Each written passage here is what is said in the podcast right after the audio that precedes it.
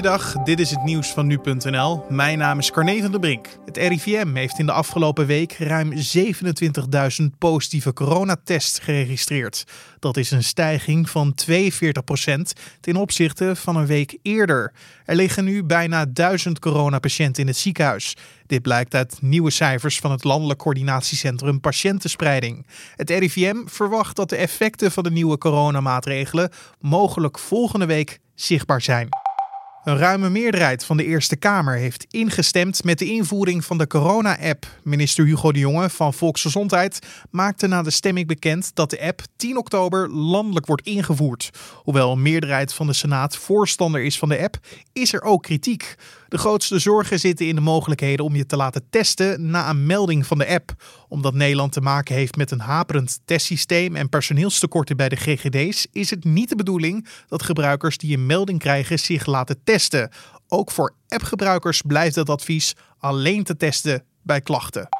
Ziekenhuisapotheken mogen tijdelijk onderling de virusremmer Remdesivir uitwisselen. De inspectie Gezondheidszorg en Jeugd versoepelt regels vanwege het tekort aan het middel dat coronapatiënten met ernstige klachten toegediend krijgen. Ziekenhuisapotheken mogen doorgaans niet in geneesmiddelen handelen, maar de inspectie heeft besloten dat dit in het geval van Remdesivir tot en met 31 december wel mag.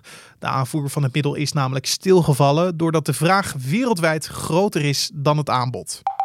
Bij Duitse veiligheidsdiensten zijn tussen 2017 en maart van dit jaar bijna 400 verdachte gevallen van rechtsextremisme ontdekt. Dat staat in een inventarisatie van de regering over rechtsextremisme binnen de korpsen. In de afgelopen weken kwamen meerdere schandalen binnen de politiekorps aan het licht. Veel van de gevallen gingen om het verspreiden van afbeeldingen van bijvoorbeeld Adolf Hitler en beledigingen aan het adres van migranten verspreid in chatgroepen. In enkele gevallen hadden personen binnen veiligheidsdiensten contact met rechtsextremistische groeperingen of namen ze deel aan evenementen waar haat tegen migranten werd verspreid. Tot zover de nieuwsupdate van nu.nl.